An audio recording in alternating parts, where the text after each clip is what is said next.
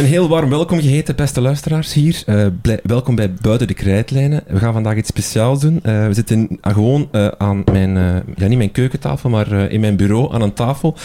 En ik heb die even omgedoopt tot een ware leraarskamer. Ik heb drie onderwijsliefhebbers uitgenodigd om te praten over onderwijs. We gaan het vanaf nu elke maand doen, op het einde van de maand. Dan gaan we aan tafel zitten en dan houden we onze leraarskamer. En dan bespreken we de maand qua onderwijsnieuws, qua dingen die we meegemaakt hebben, dingen die tegengeslagen hebben, nieuwe dingen die we geprobeerd hebben. Uh, en we hopen daarmee uh, te inspireren en vooral een beetje, uh, zal ik het zeggen, duidelijkheid te scheppen in dat vele onderwijslandschap. en aan mijn tafel vandaag zit Lisa Verhelst. Hallo. Lisa, wat doe jij in het onderwijs?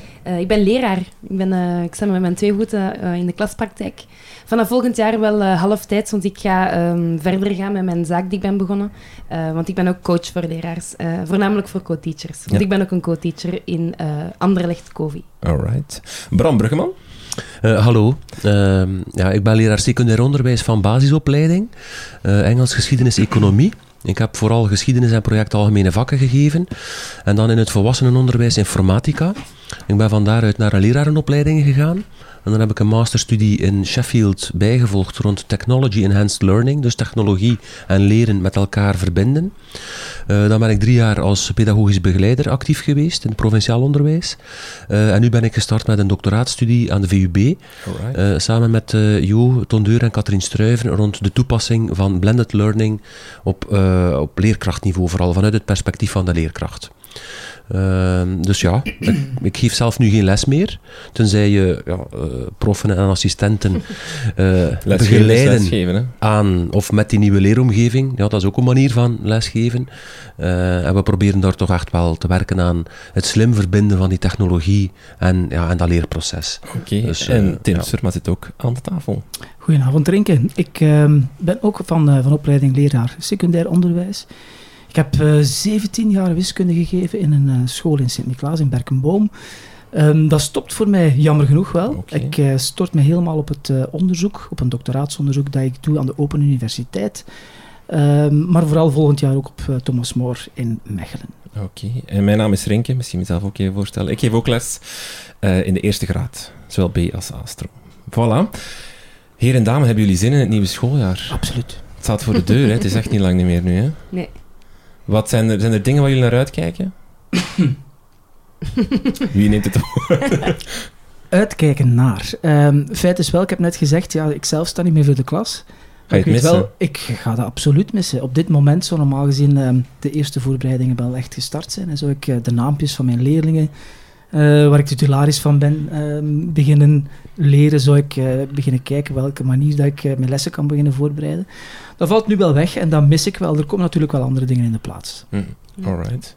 Ik moet zeggen dat vanavond wel een, eh, een ideale manier is om er terug goesting in te krijgen. Okay. Want uh, ik moet heel eerlijk toegeven dat ik nog in vakantiesferen zat tot, uh, tot een tijdje geleden. Mm. Het is ook moeilijk hè, om als leerkracht in midden augustus al vol een bak te gaan voor een opdracht als je eigenlijk nog niet weet dat jouw opdracht gaat zijn enzovoort. Maar zo'n beetje tetteren met mensen die, die ook gepassioneerd zijn door het beroep, ja, dat is, dat is echt energielevel duizend. Ik weet mijn opdracht sinds woensdag. Ah, ja. sinds, uh, ik heb gisteren, gisteren mijn opdracht definitief gekregen. Ja, ja. Ben je er tevreden mee? Eergisteren, vrijdag. Ja, het is, het is wat ik verwacht had. Ja. ja. Oké, we gaan erin vliegen. We beginnen met het nieuws. Ja. En het eerste nieuwtje, Lisa, is eentje dat jij hebt aangebracht: het uh, lerarentekort. Het is uh, alomtegenwoordig in het nieuws, denk ik. Hè. er zijn al heel wat scholen die beginnen te panikeren, mhm. zal ik maar zeggen. Mhm. Hoe moeten we daarop op reageren? Want er gaan ook wel stemmen op die zeggen van misschien moeten we daar ook helemaal niet zo veel spel rond maken, want dan maken we het misschien alleen maar groter. Hm. Maar ik denk dat het heel interessant is om uh, verder te breien op wat dat, um, jouw gesprek is geweest met Pedro de Brakke vorige, vorige podcast. Nog steeds te reclame voor maken. ja. um, Ja, ik denk dat hij heel interessante dingen zegt. Hè. Het eerste wat ik, wat ik interessant vind, is dat hij zegt... Het is, het is echt wel een groter probleem dan één, Vlaanderen. Of twee, het onderwijs op zich. Mhm. Het is echt wel een probleem dat, de, dat verder gaat dan dat. Dus dan kunnen we op zich met z'n allen naar elkaar wijzen. Hè. Wij leerkrachten kunnen mhm. wijzen naar het beleid en het beleid kan terugwijzen naar de leerkracht die misschien uh, niet genoeg positief in het veld staat enzovoort. Um, wat ik interessant vind aan het interview um, met Pedro is dat hij zegt, ja, we kunnen allemaal wijzen, maar we moeten het wel oplossen, want in september gaan we ermee aan de slag. Hij doet een paar voorstellen voor crisismanagement die ik wel interessant vind. Uh, creatief nadenken. Wat ik zeker ook in een interessante piste vond, en dat is, dat is wel een stoutere piste. Um, ja, ik ben onlangs um, naar het Onderwijscentrum Brussel gegaan. Dat is een uh, centrum in, in Brussel dat door de VGC georganiseerd werd. Uh, zij zijn echt heel actief aan het nadenken van hoe dat wij in Brussel, in die grootstedelijke context, kunnen omgaan hmm. met, uh, met, met dat grote lerarentekort. En daar zijn heel interessante dingen bezig. Daar is een programma dat Catches met Talent heet. Dat gaat over leerlingen van het zesde middelbaar warm maken voor het uh, lerarenberoep. Wat dan natuurlijk uitstekend is om, om die Brusselse gasten ook in het onderwijs te krijgen. Um, daar zijn andere projecten zoals uh, de Baobab, die, die mensen uit mhm. andere sectoren gaat proberen omscholen naar, naar het onderwijs. Maar ik heb daar één stoute directeur gehoord, die ik natuurlijk niet bij naam ga, ga noemen. um, maar dat is iets dat, dat ze in Nederland gedaan hebben. Um, en wat aan mij daarop aansprak was, vaak gaan leraars en scholen zelf proberen dat lerarentekort op te lossen. Mhm. door ehm, de directeur die plots voor de klas moet gaan staan. Of ehm, een leraar die plots aan twee klassen tegelijk moet gaan lesgeven. Of de opdracht van zijn collega overnemen, wat natuurlijk gigantisch belastend is en eigenlijk niet de oplossing. Um, en die mens zei, kijk, in Nederland is er een bepaalde stad geweest waar de alle directeurs collectief afgesproken hebben. Stel dat er bij ons een leerkracht uitvalt, dan sturen wij een brief naar de ouders om te zeggen beste ouder, vanaf maandag zal je kind niet meer naar school kunnen komen, want de juf van het, acht, van het uh, vijfde leerjaar bijvoorbeeld is er niet. Of mhm. vanaf maandag zal je kind geen Frans meer hebben. En, ja. wat was het geval? Stout, hè? Ja. ja. Nu, natuurlijk is dat geen oplossing. Natuurlijk, allee, dat is geen oplossing. We, we, moeten onze kinderen onderwijs aanbieden. Maar wat dat, dat voor, voor oplossing zorgt, is dat die ouders natuurlijk gaan klagen. En dan gaat dat probleem terug naar waar het eigenlijk hoort. Naar, Dat is een mm. maatschappelijk probleem. Dat is een probleem dat de, ons beleid gaat moeten oplossen. En dat wij als leraars niet altijd in de bres gaan moeten springen. Ja, zo'n actie zoals die in Nederland is hooguit sensibiliserend. Ja. Daarmee breng ik het natuurlijk in de aandacht. Um, Dat is absoluut nodig. Um, een heel terecht observatie is dat dat inderdaad dus niet enkel in Vlaanderen is. Zelfs Vlaanderen is zelfs een beetje aan de latere kant met die lerarentekorten. Hè. Um, in ons omringende landen is dat soms veel steviger. En ik, ik zou gewoon heel erg benieuwd zijn naar de reden waarom um, jonge mensen, talentrijke jonge mensen van 18 jaar, niet bewust automatisch durven kiezen voor een opleiding tot leraar. Ik, ik, ik ben daar echt heel benieuwd naar hoe dat komt dat een, een, een, een beroep um, dat vroeger heel veel status had. Hè? Hoe dat, dat op, op paar decennia tijd uh, zoveel van zijn allure verloren heeft. Nu, ik heb er zelf wel een aantal ideeën over, um, maar ik heb die ideeën niet kunnen toetsen of zo. Maar ik denk, um, een van de, van de redenen waarom het leraarschap minder aanzien uh, krijgt, is door sommige retoriek die rond onderwijs uh, verspreid wordt. Ik heb bijvoorbeeld gisteren zag ik een tweetje passeren van een een of andere Amerikaanse organisatie, fysica en chemie-docenten, en die postte een filmpje, een, um, een gifje op Twitter, uh, waarbij ze uh, leerlingen uh, op aan de lopende band lieten passeren en ze klopte het, het lampje in hun hoofd kapot. om daar een soort, van, um, een, een, soort van academische hoed op te plaatsen. En dan als onderschrift: This is how our educational system kills ik weet niet wat, uh, creativity. En dan kan je zeggen, of dat je er nu ten eerste er akkoord mee bent of niet, dat laat ik zelfs in het midden. Maar dat is wel een publieke opinie die dus continu gevoed wordt mm. um, in, in de pers door mensen als Ken Robinson, is scholen doden creativiteit. Mm -hmm. uh, kinderen, uh, kinder, kinderen zijn eigenlijk niet meer gebaat met een, een soort van middeleeuws schoolsysteem. Wat wil je dan? Dat ouders en jonge kinderen dus uh, gestimuleerd zouden worden om dat soort beroep te gaan doen.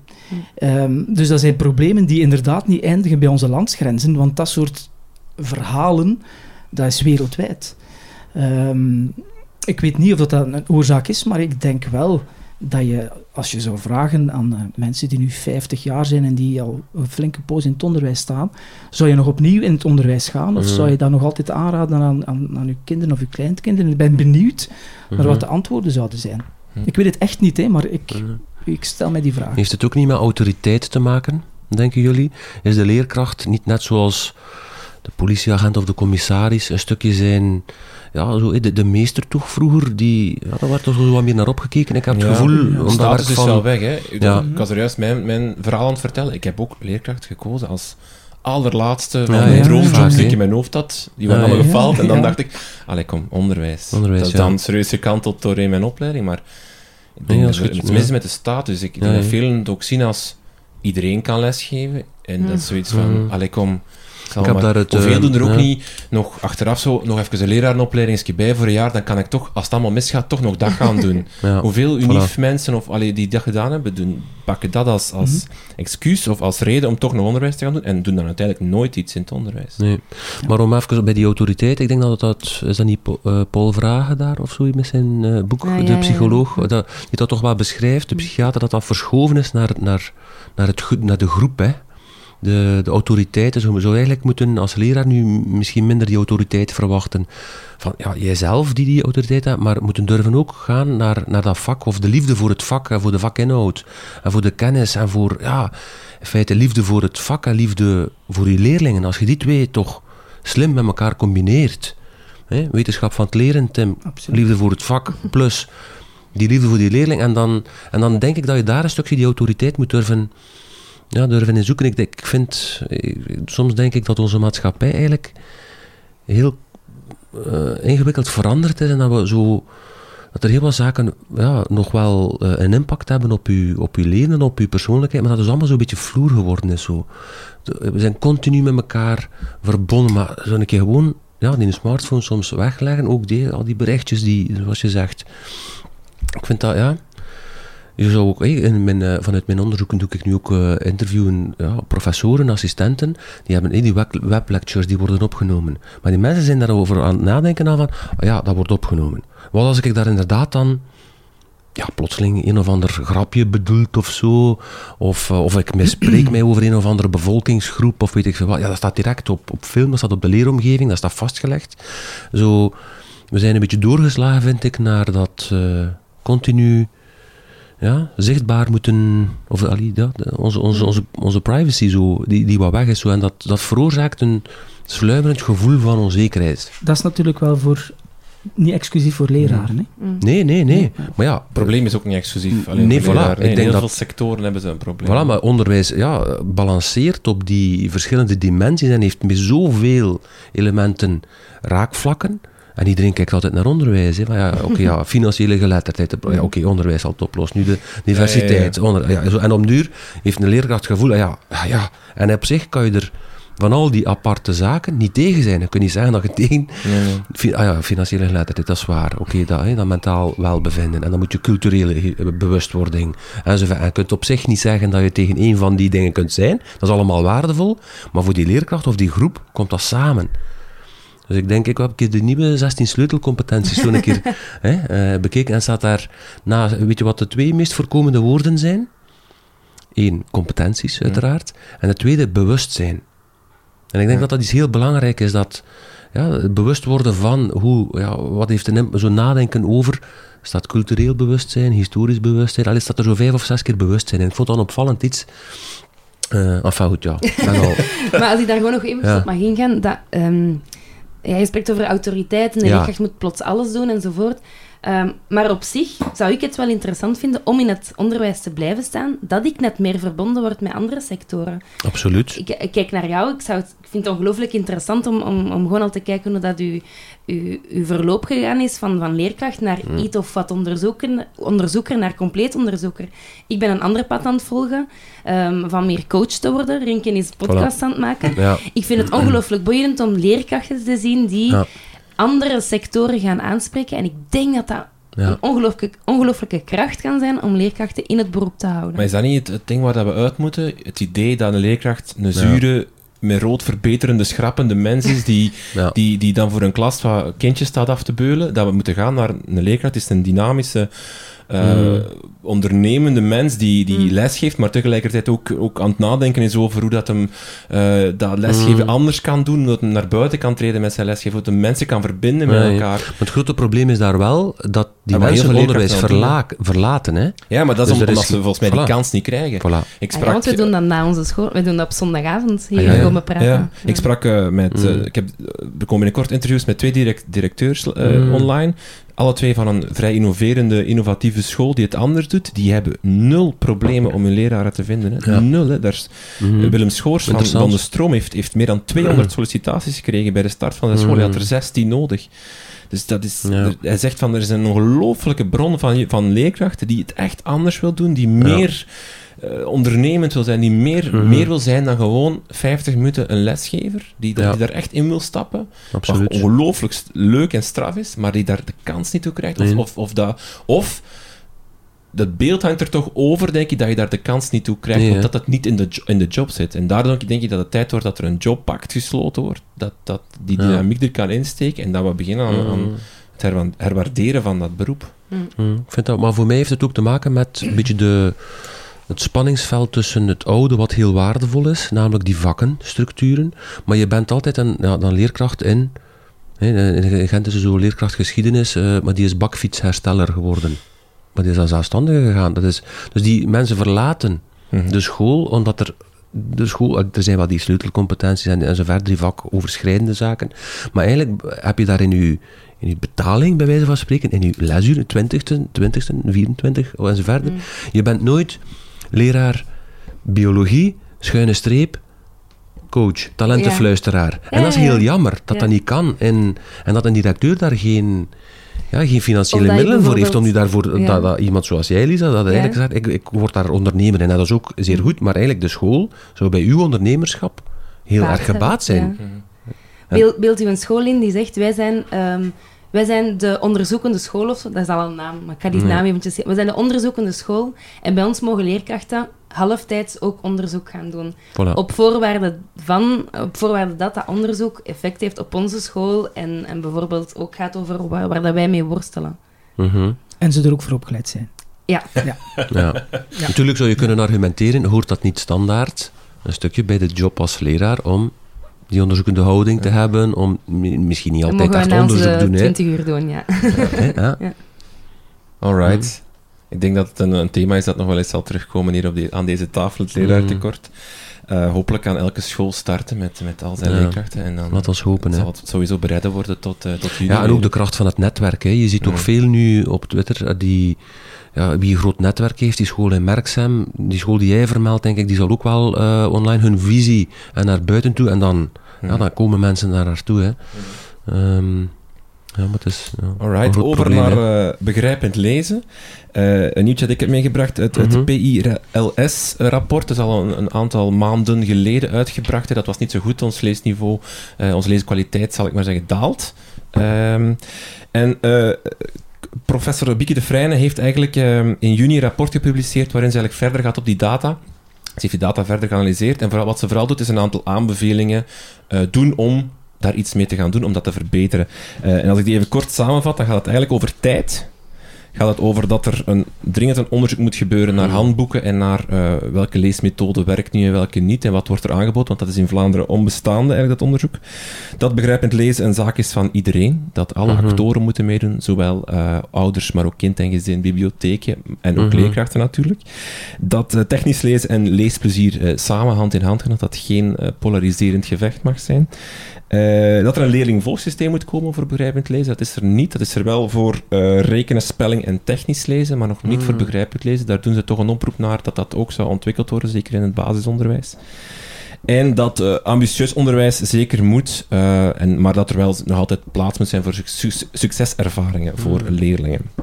Eh, dus ik denk, interessante aanbevelingen waar dat je natuurlijk altijd vraagtekens achter kan zetten. Hè. Tijd is essentieel. Dat, ze zeggen dat, het, dat er wel degelijk een verschuiving heeft plaatsgevonden eh, tegenover tien jaar geleden naar het aantal uren dat gaat naar, naar lezen in de klas. Of in, dat er ook geen leeshuiswerk niet meer gegeven wordt en dergelijke. Mm. Ehm, dus dat dat wel, wel impact heeft. Uh, dat oefening sowieso baart kunst. En dat is wel, Ja. ze pleiten voor taalontwikkelend onderwijs, maar zeggen ze wel ook, het is genuanceerd, tijd is niet alles natuurlijk. Nee, tijd is niet alles. Het gaat om over de kwaliteit die je Ja. biedt in de tijd. Maar anderzijds is het ook wel zo. Een marathonloper die 40% minder eh, traint, daarvan is de kans toch wel vrij groot dat eh, enkel de, getalenteerd, de meest getalenteerde eh, loper nog altijd goede tijden zal lopen, maar de minder getalenteerde die oefening Mhm. zal missen. En die 40% is geen, geen toevallig getal dat ik hier nu noem, want dat is het getal dat genoemd wordt als eh, de, de tijd die verloren is in het eh, lager onderwijs om aan begrijpend Hm. lezen te, te werken. Het rapport zegt ook dat, niet, dat er niet echt duidelijk is naar waar het die tijd aan gegaan is. Men denkt musische vorming, Mhm. maar men weet het niet echt. Het is, dat is ook zo waar het onderzoek nog een beetje Mhm. eh Maar zo die, is. wat ik daarnet bedoelde met die... Zo, er zijn zoveel zaken Time bijgekomen, dan... sluimerend zo, en dat is dan altijd in, en dan is wat project, en dan hier en daar, en dan eh, gras of daar, bos, zo, daar een milieu. vraag over, terugstellen? Namelijk, de, want daar wordt heel veel over gedaan, hè, over time on task. Er wordt minder tijd besteed aan de Ja. basiscurricula dingen, hè, wiskunde en dergelijke. Mhm. Maar dat, dat, dat wordt niet verspeeld, hè. Dat, dat gaat dan naar, naar, naar, naar burgerschap of naar... Mhm. naar eh, want op dat, op, er zijn ook wel punten waar we het beter op doen tegenwoordig. Hè. We zijn... Mhm. eh, de spreekangst bijvoorbeeld doen we het beter en dergelijke. Is dat op zich niet, niet ook een go- goed nieuws dat we Tuurlijk. breder ontwikkelde kinderen afleveren?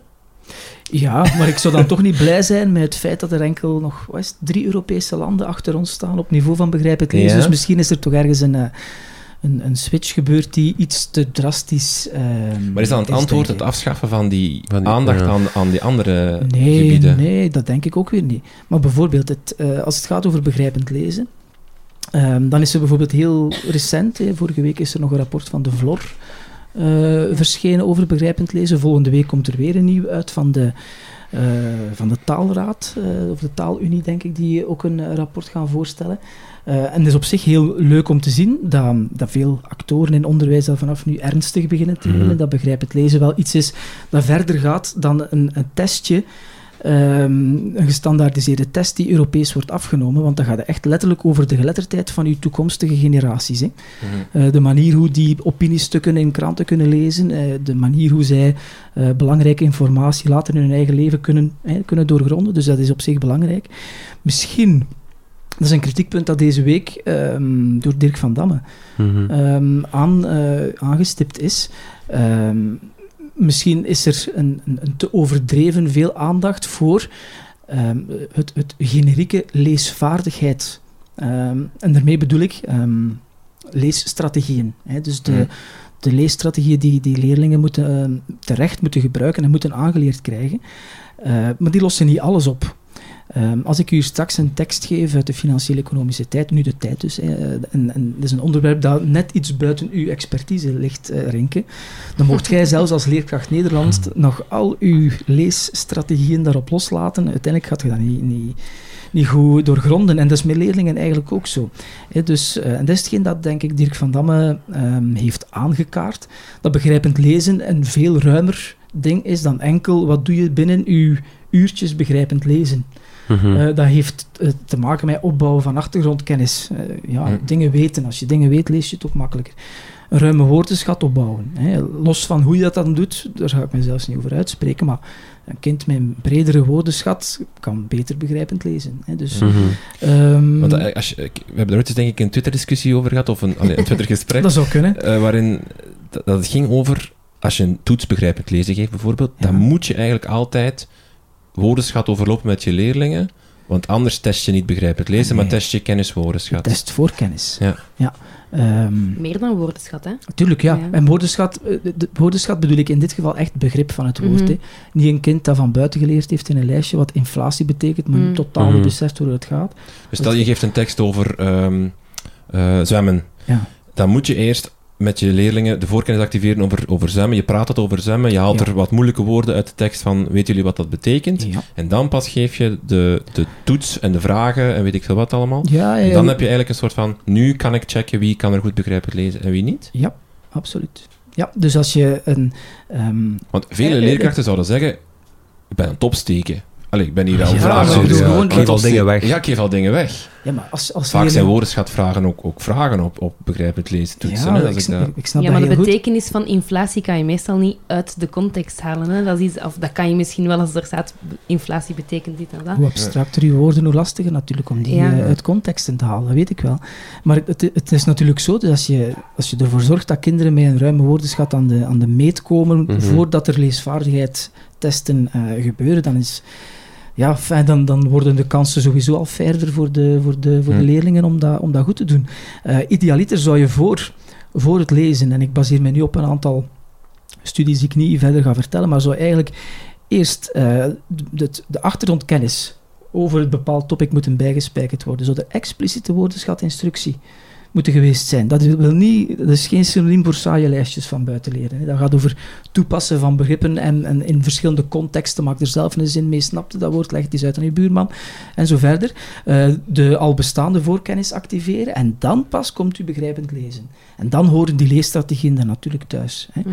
Ehm, een van de Mhm. kritieken die Dirk van Damme had, is hetgeen dat ik nu net zeg, alles voor het lezen, is dat dat bijvoorbeeld in dat VLO-rapport iets minder expliciet aan bod kwam. Kan ook zijn dat dat niet het doel van het rapport was. Dat weet ik natuurlijk ook niet.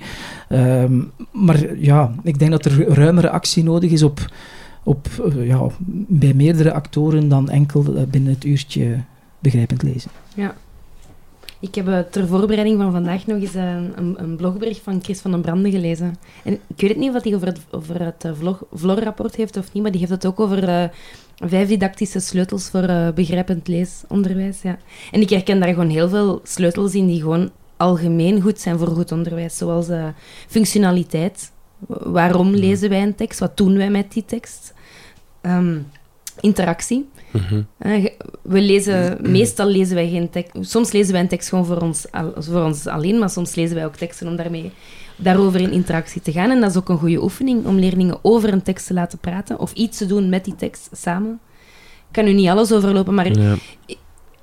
Begrijpend leesonderwijs past heel mooi in, in algemeen. aan- Oh, er wordt hier even eh, water uit. Dus, eventjes vergeten dat we in de leraarskamer zitten. Voilà. Maar, maar ja, inderdaad. Is een pintje aan je. Geen koffie wel. Dat, eh, Nee, geen Nee, koffie. jammer, hè? Ja, dank u, Tim. Nee, maar begrijpend lezen is geen eiland. Het is, eh, het is zeker iets dat, eh, dat past Nee, in... Het rapport eh, pleit ook voor taalontwikkelend onderwijs, hè, dus begrijpend Ja. lezen in alle vakken. Maar Mhm. pleit ook nog wel, even voor mijn eigen vak, ook nog voor een apart vak Nederlands. Zeer Ah, belangrijk, oef. zeggen ze. Ja. En in aanvulling daarop eh, denk, ik dat ik ehm, altijd een lans probeer te breken om, om de, de technologie of een, een smart school of een online leeromgeving of andere elementen technologie slim te proberen gebruiken om aan zulke zaken ook te werken, waardoor dat je zelf ruimte creëert om aan andere zaken te gaan werken. Hè. Als je het, eh, ik vind dat de, technologie vaak nu te weinig slim gebruikt wordt op basis van wat de wetenschap aangetoond heeft dat werkt. Dus als je weet dat dat eh, gespreid oefenen zo werkt, ja, oké, investeer dan eventjes samen met de, met de collega's om een aantal eh, quizjes die gelaagd zijn, die goede feedback bevatten, te maken. En dan, als je daarin in investeert, dan kan je dat gebruiken in voorbereiding op dat begrijpend lezen. En dat vind ik wordt nog steeds veel te weinig gebruikt. Men gebruikt een online leeromgeving als een, een, een, een dropbox voor presentaties, eh, powerpoints en zo die, die men geeft. Je zegt eigenlijk alles wat, wat Tim daarnet vertelde, van alle dingen die je op voorhand Voilà. moet doen. Je zou die eigenlijk ook, als je dat slim inzet via technologie, verlies je eigenlijk niet zo heel veel Nee. tijd. Want ik Voilà. denk dat heel veel leerkrachten, toen jij het vertellen was, Tim, dachten van, ja, maar daar heb ik kan geen tijd ja. voor zo. Als Nee. ik een toets moet doen, dat is hier al Ja. krabber om dat voor december eh, drie keer Nee. gedaan te hebben. En we hadden het daar net, in voor we naar hier kwamen, ook over een, een leeromgeving. De naam speelt op, op zich nu geen rol, maar die maakt... je kan daar een vraag typen met, met formule. Ik heb het u getoond, Tim. Die, je, je, je, maakt een, een eh, wiskundige formule, geeft er ook de variabelen aan en je zegt, vraag aan de leeromgeving, geef mij voor eh, hè, 2x plus eh 7 is gelijk aan zoveel. Maak daar variabelen voor en creëer 200 oefeningen. De leeromgeving, de technologie doet dat voor u, hè. Uh, hoeveel leerkrachten zitten Ja, met die wiskunde of, of andere. Dus ook zo voor, voor die basiswoordenschat, voor het toetsen van die begrippen, denk ik dat dat nog veel te weinig gebruikt wordt. En vooral nog accentueren dat eh, het opbouwen van achtergrondkennis en vocabulaire, woordenschat, dat dat hoeft niet per se gekoppeld te worden aan eh, onmiddellijk net voor uw teksten. Dat is echt een rol voor elk vak. Ja. Een leraar eh, geschiedenis, aardrijkskunde, die Mhm. heeft fantastische kansen om, eh, om, om ja, de, de wereld van de kinderen open te breken. Hè? Eh, om, Ja. om hen kennis te laten maken met dingen die ze nog niet wisten. Alright. We gaan naar uh, onderpresterende leerkrachten. Uh, er zit er hopelijk geen aan tafel, maar uh, Lisa, 7 op de 10 leraren die kunnen een recent voorbeeld geven van een collega die volgens hen onderpresteert. Een artikel mm. in, in klasse verschenen mm. na een onderzoek. Ja, goed artikel hè? Ja. ja klasse doet soms wonderen, hè? ik vind ja. dat ongelooflijk. Um, een onderzoek van uh, Lot van den Ouweland. Um, wordt hier een, een, een goodiebag met klassen op getoond. Ja, ja, ik ben fan. En ik hoop dat ik een gratis abonnement krijg. um, nee, ik vond dat een heel interessant onderzoek. Ja. Um, natuurlijk, de eerste vraag is, wat is een onderpresterende voilà. leerkracht? Um, zij gebruiken een hele ruime definitie van een leerkracht die volgens collega's niet voldoende presteert naar leerlingen of uh, team. Toe. Dus dat is heel ruim. Hè? Dus is op basis van andere mensen die zeggen dat hij onderpresteert. zijn ja. geen criteria waaraan je... Hmm. Het is niet dat die leerkrachten geëvalueerd ja, zijn of okay. zo, ja. Um, dus dat is zeker uh, een aandachtspunt om rekening mm. mee te houden. Maar ik denk dat, we, dat als je zo'n onderzoek leest, dat iedereen zowel meteen zo zijn, uh, zijn pappenheimers in gedachten kan, kan halen. Wat ik er interessant aan vond, was het hele idee dat wij als leerkrachten elkaar er niet altijd over aanspreken. Um, dat wij nogal gemakkelijk um, ervan uitgaan, ja, wie ben ik? Ik ben maar leerkracht, ik zal maar wachten dat die directeur eens binnengaat bij die, bij die meneer of bij die mevrouw. En die zal het dan wel zeggen. Um, en eigenlijk is dat heel jammer, want eigenlijk hebben wij zoveel kracht in handen om dat heel vaak aan elkaar ook mee te delen. Want dat heeft natuurlijk wel effect. Hè? Dat heeft effect op onze leerlingen, maar ook op, op elkaar als leerkrachten. Uh, we hadden het daar straks over leraren tekort en, en lerarenbehoud. Als ik weet dat ik dezelfde pre op mijn rekening krijg als mijn collega die ten Mhm. eerste niet veel doet en ten tweede misschien wat dat die doet negatief uitdraait voor mijn leerlingen, ja, Absoluut. wat ja. doe ik daar nog aan? Wat doe jij het, eh, Lisa? Spreek Ja, jij leerkrachten aan? Ah, wel, Rinke, dat is mijn grote voornemen van dit schooljaar. Oké. Want het is echt heel moeilijk. Het Ja, is, echt, heel ik, moeilijk. ik doe het niet... niet allee, Nee, ik zal het heeft, eh, over ik wens u dan veel wankelmoed. Ja, ja, ja. Ik vind dat een mooi woord, wat dat heeft voor mij met die kwetsbaarheid te maken, die je als leraar heel erg voelt. Het blijft nog altijd een individueel beroep, ondanks het feit dat er eh, veel met co-teaching Mm, veel in, eh, in ge- in geïnvesteerd wordt en terecht. mm, Maar dat blijft zo nog, ja, dat, dat, dat heeft een risico. Hè? Maar, oh, mm. Als ik mijn examen voorleg aan jou, en laten we dat een keer samen bespreken, dat vraagt iets van mij. Dat vraagt wankelmoed, de moed om te durven zeggen, misschien staan daar wel fouten in. Mhm. Misschien, ja... het is een, het is een en ze- kwetsbaar beroep, maar Ja. de kwetsbaarheid mag nooit... ben- of, of wordt zelden benoemd. Mm. Of, of je wilt niet dat die benoemd wordt. Nee, maar ik denk dat dat komt omdat je, dat er een menselijk mechanisme is dat je identificeert met, Met leerkracht zijn. met leerkracht zijn. En ook met, dat doet, als er dan nog een fout in staat in dat Mm. examen bijvoorbeeld, en we leggen dat samen voor in de leraarzaal hier, hè. En dan, ja, dat is, dat is niet fair. Nee, maar ik mag me daar zelf niet mee identificeren. Ik ben zoveel Mm. meer dan op dat moment de leerkracht die daar hè, eh, over dat examen Absoluut. En Maar- dat is dan deel van hoe dat jij feedback gaat ontvangen. Voilà. Ik denk dat er ook een heel groot deel is van hoe dat wij elkaar feedback gaan geven. Ja, maar als jij op dat moment heel sterk oordeelt, en Mm. wat heb je net zo zo'n fout, en dan zeg is toch niet mogelijk, wat een ramp. Terwijl dat je eigenlijk wel die moed toont, of even Mm. durft. Dus ik denk dat daar eens een heel menselijk mechanisme speelt, maar Mm. ik volg zeker de oproep van, probeer dat waar mogelijk te doen en te durven met Ja, ja, ja. elkaar, want het is heel waardevol, hè. Ja, want eh, volgens het onderzoek of, of volgens het artikel van klasse, zij, zij gaven zo'n een quizje om te zien wie dat jij dan was. Ja, En elkaar aanspreken is maar één van de technieken. Eh, advies geven of, of zeggen, heb jij hulp nodig? Kan ik jou helpen? Is er ook zeker eentje. Ehm, en ik denk dat vanuit zo... hè, we hadden het over hoe dat jij feedback ontvangt. Ja. En ik denk dat een andere hele belangrijke is, is hoe dat feedback gegeven wordt. Hè. Ik ga ook niet naar een collega gaan en zeggen... Luister collega, jij bent een slechte leraar, want, want ik hoor Voilà. altijd lawaai in jouw klas of Voilà. bijvoorbeeld. Ja. Want dat is geen feedback, daar, daar is niemand mee gediend. Anderzijds ga ik niet wachten tot de directeur Nee. er iets van zegt. En om een concreet voorbeeld te geven, ehm, soms wachten wij te lang Ja. met dingen. Als je zo'n beetje zo de, de gouden regels van feedback gaat lezen, wanneer heeft feedback effect? Als je dat vanuit jezelf, als je vanuit jezelf vertrekt, hè, een ik-boodschap geven. Als het heel concreet en heel meteen nadat het gebeurd is eh, aan bod komt. En daarin zie ik eigenlijk heel weinig verkeerd met te zeggen van, kijk, ehm, ik liep vandaag in de gang en ik hoorde lawaai in, in jouw klas. Ik-boodschap, het was daar straks. Ik vroeg mij af of dat er iets is. Kan, kan ik jou helpen? Is er iets dat ik kan doen? Wat was er aan de hand? Wat kunnen we daar volgende Mhm. keer aan doen? Ehm, en dat, dat, allee, daarmee wil ik absoluut niet gezegd hebben dat vanaf het eerste moment dat er lawaai uit een klas komt, dat het dan meteen slecht is. Absoluut niet. Maar ik denk dat we daar soms te lang mee wachten Want de directeur is niet de enige die iets te zeggen heeft over onderwijskwaliteit. Wij zijn met z'n allen onderwijsprofessionals. En ik denk dat wij dat soms vergeten, omdat wij er, ervan uitgaan, ik heb die functie van evaluatie niet. Terwijl dat, dat, wij, dat, dat wij ergens wel een, ge, allee, een gedeelde verantwoordelijkheid hebben voor ons team, voor onze leerlingen. En ja, je hebt daar co-teaching aangehaald. Natuurlijk is dat mijn... eh, Ja. allee, daar ben ik heel grote fan van. Co-teaching, ook gewoon alleen maar het idee van... Laten we samen... allee, laten we de deuren van ons klaslokaal openzetten. Laten we samen een les voorbereiden. Laten we die samen geven en evalueren. Dat, dat biedt zoveel mogelijkheden om achteraf te spreken over... Oei, dat is niet gelukt. Wat kunnen wij doen om dat beter te doen? En niet, wat kan jij doen om een betere leraar te worden? Want ik vind het niet goed. Kijk eens aan. Wat een mooie boodschap. ja. Heeft het ook niet soms nadelen, dat co-teaching? Ik denk, ik kan me toch situaties bedenken dat het geen goed idee is om te doen, of, of dat ga het dan niet werkt, eh, of? voor mijn 1B-klas doen, in een Ah. jaar lang, parallel met, of Nederlands, Ja. dan, hè, parallel met mijn eh, collega. Mhm. Ben Heeft het nadelen, of... eh, Gaan we dit onderwerp openen? nou, het Nee. staat niet in het lijstje, maar ik vind het wel interessant, Ik ga, het is ik ook ga wel in de heel kort antwoorden. Dat, ik zeg altijd, co-teaching is nooit een doel. Dat Nee. is een middel om een doel te Ja. behalen. Ehm, doe je dat om bijvoorbeeld aan leerstoornissen te werken, ja, dan co-teach je met als doel dat er één iemand zich Voilà. focust op een aantal leerstoornissen. Co-teach je om bijvoorbeeld ehm, te professionaliseren, omdat je met een nieuwe collega zit, dan is jouw focus een mentor zijn van een andere collega. Hm.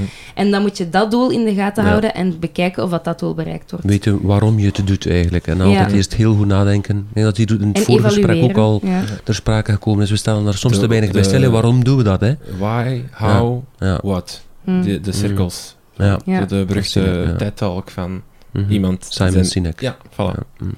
Ja. Ik denk dat, eh, ik, ik heb dat ook eh, met Tim daar, of als we naar hier kwamen, erover gehad. Ik denk dat het een makkelijk iets is om met de wat bezig te zijn. Hè. De- Ja. Maar hoe, Co-teaching is eigenlijk de wat, hè. ja, Mhm. of, eh, of, of het vak, de of de, hoe, doelen, ja. of het curriculum. Maar ik vind hoe is voor mij altijd belangrijker dan wat. En dan heb je nou nog een keer de why Mm. ook. Als je de why kunt verbinden vanuit je passie, vanuit waarom doe ik dat hier, en, en even daarover nadenkt, en dan naar dat curriculum gaat, ik vind dat een heel andere iets. Eh, vorig jaar was er daar die, heisa van een uur minder Nederlands in, de- in de katholieke scholen. Maar ik krijg liever vier uur les van een leraar die, die, die de kwaliteit weet en die de wetenschap van het leren toepast, dan vijf uur les van een leraar die eigenlijk hè, een van die zogenaamde onderpresteerders zou zijn. Maar ik vind dat wel een moeilijk artikel, want het gaat ook over die kwaliteit. En we hebben het hier al erover gehad, maar hoe bepaal je dat? Hè? Mm. En daar zijn we het niet over. De ene, iedereen staat met zijn eigen overtuiging voor de klas. Impliciet vaak, heel vaak wordt dat expliciet door erover te babbelen met collega's. Dan zeg je, ja, eigenlijk interactie met studenten vind ik belangrijk. Ah nee, mijn vak, structuur, dat is Mm. voor mij het belangrijkste. En dat is juist het interessante aan die professionele dialoog, vind ik, Mhm. dat die opstart. Ja. Ja, en ik vind Mhm. op dit moment co-teaching met mijn collega's en bij Ja. de leerlingen waar ik les aan geef, hè, 1B ook, ehm, vind ik dat een middel om veel doelen, allee, om Ja. aan veel doelen te werken. Ja. Merken super. wij volgend jaar dat dat niet werkt, ja, dan stoppen we ermee. Ja. Je wou nog een, een, aan het eh, artikel van de onderpresteerde leerkrachten, wou je nog een, een link maken met de, Ja. de klagende leraarskamer? ja, een, een, een kleine... Allee, dat, was, een, eh, dat is iets dat ik op Twitter heb gelezen. Wou je er nog iets van zeggen, Rinke? Nee, Nee. Ik, ik luister. Wat ik er heel interessant aan vond, was dat ik het zo herkenbaar vond. De, de leraarskamer die gonst van... En de dien heeft weer dat gedaan. En de dien heeft... Die komt naar school zonder boekentas en wat is dat? En wat ik interessant vond aan dat artikel was ons eventjes wakker maken voor... Oké, soms is ventileren absoluut nodig en moeten we dat van elkaar Ja. begrijpen. Maar het is toxischer dan dat we soms Nee, ja. aan elkaar zouden, zouden wijsmaken. Ehm, het zorgt ervoor dat onze verwachtingen voor leerlingen laag blijven. Het zorgt ervoor dat wij soms onze eigen verantwoordelijkheid uit handen geven. Mhm. Want, allee, om, om een voorbeeld te geven. ehm, een leraar die zegt... Ik heb een maand geleden gezegd dat ze tegen vandaag die taak moesten maken. Weet je hoeveel dat, dat gedaan heeft? Drie leerlingen hebben een taak gemaakt. En dan denk ik, oké... maar wat is uw taak als leerkracht om ervoor te zorgen dat die leerlingen op lange termijn kunnen plannen? Heb je dat gezegd? Heb je dat, heb je dat gezegd Heb je tegen die persoon? Ja? Eh, nee, nog niet. Nee. Ah, nee. dat, is, dat is- dat is voor volgend jaar. Ja. Nee, Pre- maar... De prefrontale cortex van eh, mensen jonger dan 26 is niet altijd geschikt om heel ver vooruit te kijken. hè. Voilà. Dus het is onze, onze rol en ons, eh, onze plicht als leraar om om hen daarin te ondersteunen hè, en om, om, om geregelde herinneringen uh, in de richting te sturen. Dat wil niet zeggen dat iedereen dat perfect zal doen, ja. het is wel onze taak. Hè? Mm -hmm. En om even terug naar hè, die ICT en technologie te gaan. ja, maar je kan berichtjes klaarzetten en die laten afleveren op bepaalde tijdstippen. Ja. Dus je kan een heel aantal reflectie-cues klaarzetten, feedbackberichtjes of, of kleine prompts om leerlingen aan te porren om hun werk te doen, maar je zet dat allemaal op voorhand klaar en je laat het systeem op de gepaste tijd dat bezorgen. Dat is ook zo'n voorbeeldje wat ik dan geef van, ja, want, want, als dat er allemaal bij komt, dat is weer allemaal terecht. Ja, de leraar moet dus dan wel altijd die, die, die, die herinneringen en zo verder, laat het systeem dat doen. Die technologie kan dat. Hm. Dat terzijde. Oké. Okay. Maar dus, klaag in de leraarskamer, daarin ja, ja. hebben wij ook een rol om af en toe ja, te absoluut. zeggen, oké, okay, genoeg, en nu nemen we terug de verantwoordelijkheid in handen. Ja, ja. Het is ook, ja, een negatieve gedachte heeft best wat positieve gedachten nodig om dat te counteren. Nee, dat is scherper, ja, ja. Het is ook een beetje des mensen, denk ik, hè, om, om te kijken naar wat is er fout en niet wat is er goed. Uh, ik denk soms, maar dat is misschien, ik denk soms praatgroepen, dat die er moeten komen Hmm. in scholen. Onder begeleiding van iemand die dat, die dat kan, die daar inzicht in heeft en dat mensen dat kunnen doen en dat ventileren, want dat is inderdaad Nee. belangrijk. Hè? Dat, je Ja. kunt vert- want dat gaat ook over, over durven zeggen van het gaat zo slecht in mijn Ja. Voilà. Maar wie doet dat En nu? Doe jij dat graag? Toegeven dat het slecht Nee, gaat in maar, maar dus Ja. dat, volgens mij is dat echt belangrijk. Mm. Allee, dat is misschien het is een eh, symbool, hè, maar Ja, praatgroep onder begeleiding, dat je kunt zagen, klagen, Ja. maar dat er ook iemand is die zegt, oké, nu ga ik eens zoeken naar, naar positieve dingen. Want, dat informeel Ja, ja. in de leraarskamer, inderdaad, dat kan soms echt... En ook dat erover gaan, dat je zo zelf zo'n beetje hebt van... Ja. Ik heb ergens een keer eh, zo'n, eh, het was nu van Daniel Willingham of iemand, of iemand anders, zoiets gelezen dat hij zei van, eh, installeer dan een keer bewust een klaaguur, of de, de table of shit, of Ja. zo. Maar doe het dan alleen maar op bepaalde tijdstippen. Dus creëer ruimte gedurende de dag of de week, en dan mogen een keer mensen 10 minuten hè, aan klagen en alles, maar dan moet je wel proberen houden aan dat klaaguurtje. Oh, het is geen klaagmuurtje, maar een klaaguurtje. En, dan, en dat is raar. Mensen, op het moment dat dat dan echt toegelaten wordt of mag, hè, dat dat in het systeem zit, dat je mag klagen, gaan mensen zeggen, oh, goh, ja, eigenlijk gaan we stoppen met klagen, zeker. Zo, ja. Wordt dat een rubriek, kracht. Gaan we straks klaaguur doen? De help misschien, een rubriek misschien. ook daar de kracht van teambuilding. Hè. Je ziet een keer iets anders gaan doen met je collega's. Ik Ja. ga dinsdag... Allee, dinsdag gaan we met de collega's allemaal op fietstocht. We zijn, Mhm. eh, ben, de kracht van... We zijn met een aantal collega's, een vrij grote groep, is naar een zaterdag naar een, naar een brouwerij geweest. Hè, en dan eh, een proevertje en daarna nog gaan eten. Je Ja. ziet elkaar op een andere manier de maandag dat je daar komt. Je hebt over, over de Mhm. dag... Allee, meestal praten we toch nog over onderwijs, maar je hebt toch op een dag anders met elkaar omgegaan. En het zijn andere mensen op een bepaalde manier, Mhm. vond ik. Allee. En ik denk ook niet dat we moeten... eh, er is- wordt inderdaad geklaagd in een leraarskamer en dat is een natuurlijke ventilatiefunctie. Maar als net dat ervoor zorgt dat wanneer de schoolbel gaat, eh, een leerkracht terug met goesting naar een klas gaat en met de glimlach eh, de leerlingen en met het enthousiasme die terug emotioneel besmet, dan zou ik tekenen Mhm. voor een klaagmuur in de leraarskamer. Voilà, een klaagmuur. Misschien een ideetje voor eh, de volgende schoolbouw die gemaakt wordt. Eh, we gaan naar een artikeltje in de Metro. Dat als eh, kop had, geen enkel lid met onderwijservaring in 1 op de 10 schoolbesturen. Eh, het Rekenhof heeft aan alle schoolbesturen in Vlaanderen gevraagd uit, wat, uit wie of wat dat ze bestaan. Mm. Dat blijkt dat schoolbesturen gemiddeld 8 leden tellen, waarvan 44,4% de bestuurservaring heeft, 35% heeft onderwijservaring, 32% is vrouwelijk. Dat zijn al, vind ik, opmerkelijke cijfers. En, en wat blijkt dus, 11% van de besturen telt geen enkel bestuurslid met onderwijservaring. Dus, dus 10, per- allee, de 1 op 10 heeft geen enkel bestuurslid met onderwijservaring. Mhm. Eh, wat kan ik nog zeggen? Eh, er er werd ook gevraagd naar welke expertise dat ze hadden in hun schoolbestuur. Er blijkt uit dat op zorg- en gokbeleid een tekort is. 31% van het schoolbestuur heeft geen expertise op zorg en gok. 21% heeft geen eh, expertise op pedagogisch beleid. En 19% op participatiebeleid. Eh, als conclusie zegt het Rekenhof wel dat de overheid zich terughouden moet opstellen tegenover schoolbesturen en die, die samenstelling, maar dat ze wel toch ehm, moeten sensibiliseren om daar toch een beetje voldoende diver- diversiteit eh, in Ja. te steken, zeker in zaken eh, onderwijservaring. Mhm. Ik vond het een... een, een ik viel niet van mijn stoel Nee, toen ik het artikel las. Zal ik denk zeggen. vooral, ja, ik, ik, koek eigenlijk niets, maar doet u wel nadenken over... Is het schrijnend, het getal? Ja, ik 1 vind op het 10? wel. Ja. Ik, ik dacht spontaan 9 op de 10 wel. Ja. Dus, Klas al eh, het, het, ja, ik bedoel, dat is, dat is toch al een basis om verder te bouwen, denk Mhm. ik dan. Oké, ja. Mhm. Het is een manier om naar te kijken. 9 op de 10 wel. Voilà. Voilà. Ziet u dat weer het tekort, of Ja. de negatieve gedachte was weer Ongelooflijk. goed. En, eh, fantastisch. Tim, hè. Ik heb hier in mijn boekenkast eh, het boek van eh, John Hattie staan, Leren zichtbaar maken. Ik heb dat helemaal allee, doorgeploegd, want dat, ik dacht, nu ben ik hier de goede leerkracht aan het uithangen. Tot ik een artikel tegenkwam eh, van, van Robert Slavin op zijn blog, met als titel John Hattie is wrong, John Hattie is verkeerd. Heb ik dat boek voor niets gelezen? niet ja, hè? Ehm, Nee, jij hebt dat boek absoluut niet voor niks. Ja, want dat is te het, gaat hè. hem, het gaat hem gewoon over het... ehm, de kritiek die Robert Slevin eh, formuleert heeft te maken met de rangorde die hoort Want hoe werkt Hattie? Hattie is een van, van iemand Ja. van meta-analyses? Ja, meta-analyses van meta-analyses. Dus wat goed die eigenlijk... ehm ga ervan uit, ehm, een onderzoeker zoals ik, ehm, ik doe een experimenteel onderzoek. Experimenteel onderzoek wil zeggen, ik ga twee groepen eh, respondenten, ga ik verschillende dingen voorschotelen en ik doe metingen daarbij. Je hebt daar 101 variaties bij, maar uiteindelijk komt daar dan een verschil uit. Met dat verschil kan je ehm, dan eerst bepalen of dat, dat een, een, echt verschil is, of dat dat met andere woorden iets is dat statistisch significant is.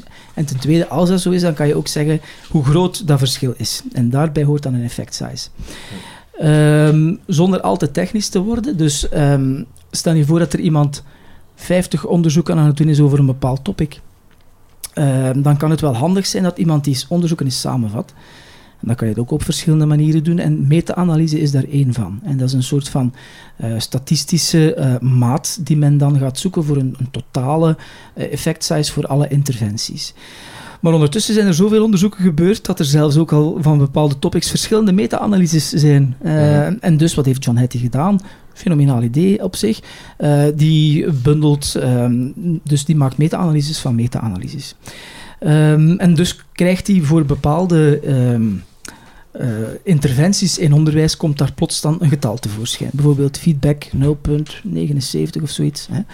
Eh, en hij doet daar dan statements bij die zeggen, kijk, alles wat hoger is dan 0,4 ehm, is nastrevenswaardig. Alles wat lager is dan 0,4 als effect size, dat, ehm, ja, dat, zijn, dat is vooruitgang, maar die krijg je standaard.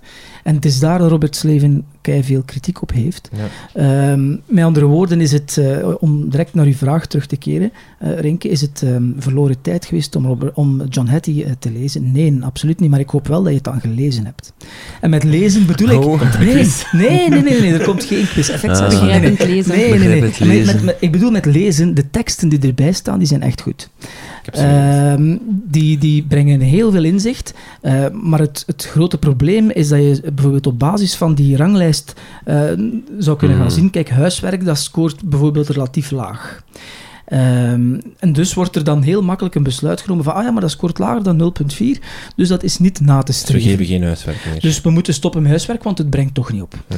Eh, terwijl dat er heel wat meer factoren meespelen. Er zijn een heleboel technische waar ik het nu niet ga over hebben, maar bijvoorbeeld ook een kleine effect size kan een heel groot verschil maken voor leerlingen als die heel weinig tijd en geld kost. Ja. Bijvoorbeeld huiswerk is ontzettend ehm, makkelijk te geven. Mhm. Eh, dat is iets wat... Ik bedoel, dat is toch zo? Als Ja, leerkracht, tuurlijk, dat, is Dat is, makkelijk, eh, dat is de makkelijk laatste drie minuten van de les. Ja, hier zie je, hop, je geeft dat nog. Ehm, maar dat is, dat is iets dat dan misschien niet het meest spectaculaire effect lijkt te hebben volgens de, de ranglijsten Mhm. van, van Hattie. Eh, maar het is wel laaghangend fruit dat je gewoon niet mag vergeten. En door je bijvoorbeeld dan enkel te focussen op de top 20 in de ranglijst van eh Hattie, dan zou je wel een aantal dingen kunnen vergeten. Ik weet dat ehm, Pedro, ehm, John Hattie, destijds het ideale telefoonboek ehm, heeft genoemd en een ideaal startpunt om verder te kijken met, eh, met hoe het met onderzoek eigenlijk gesteld is. Ehm, ik kan misschien nog één dingetje benadrukken bij die effect sizes. Ehm, uiteindelijk pretendeert of zegt, zegt John Hattie dat effect sizes dat, die, zeker naar dingen moet gaan die groter zijn dan 0,4. Ehm, maar er zit eigenlijk een soort van, ja, er zit wel een storing op.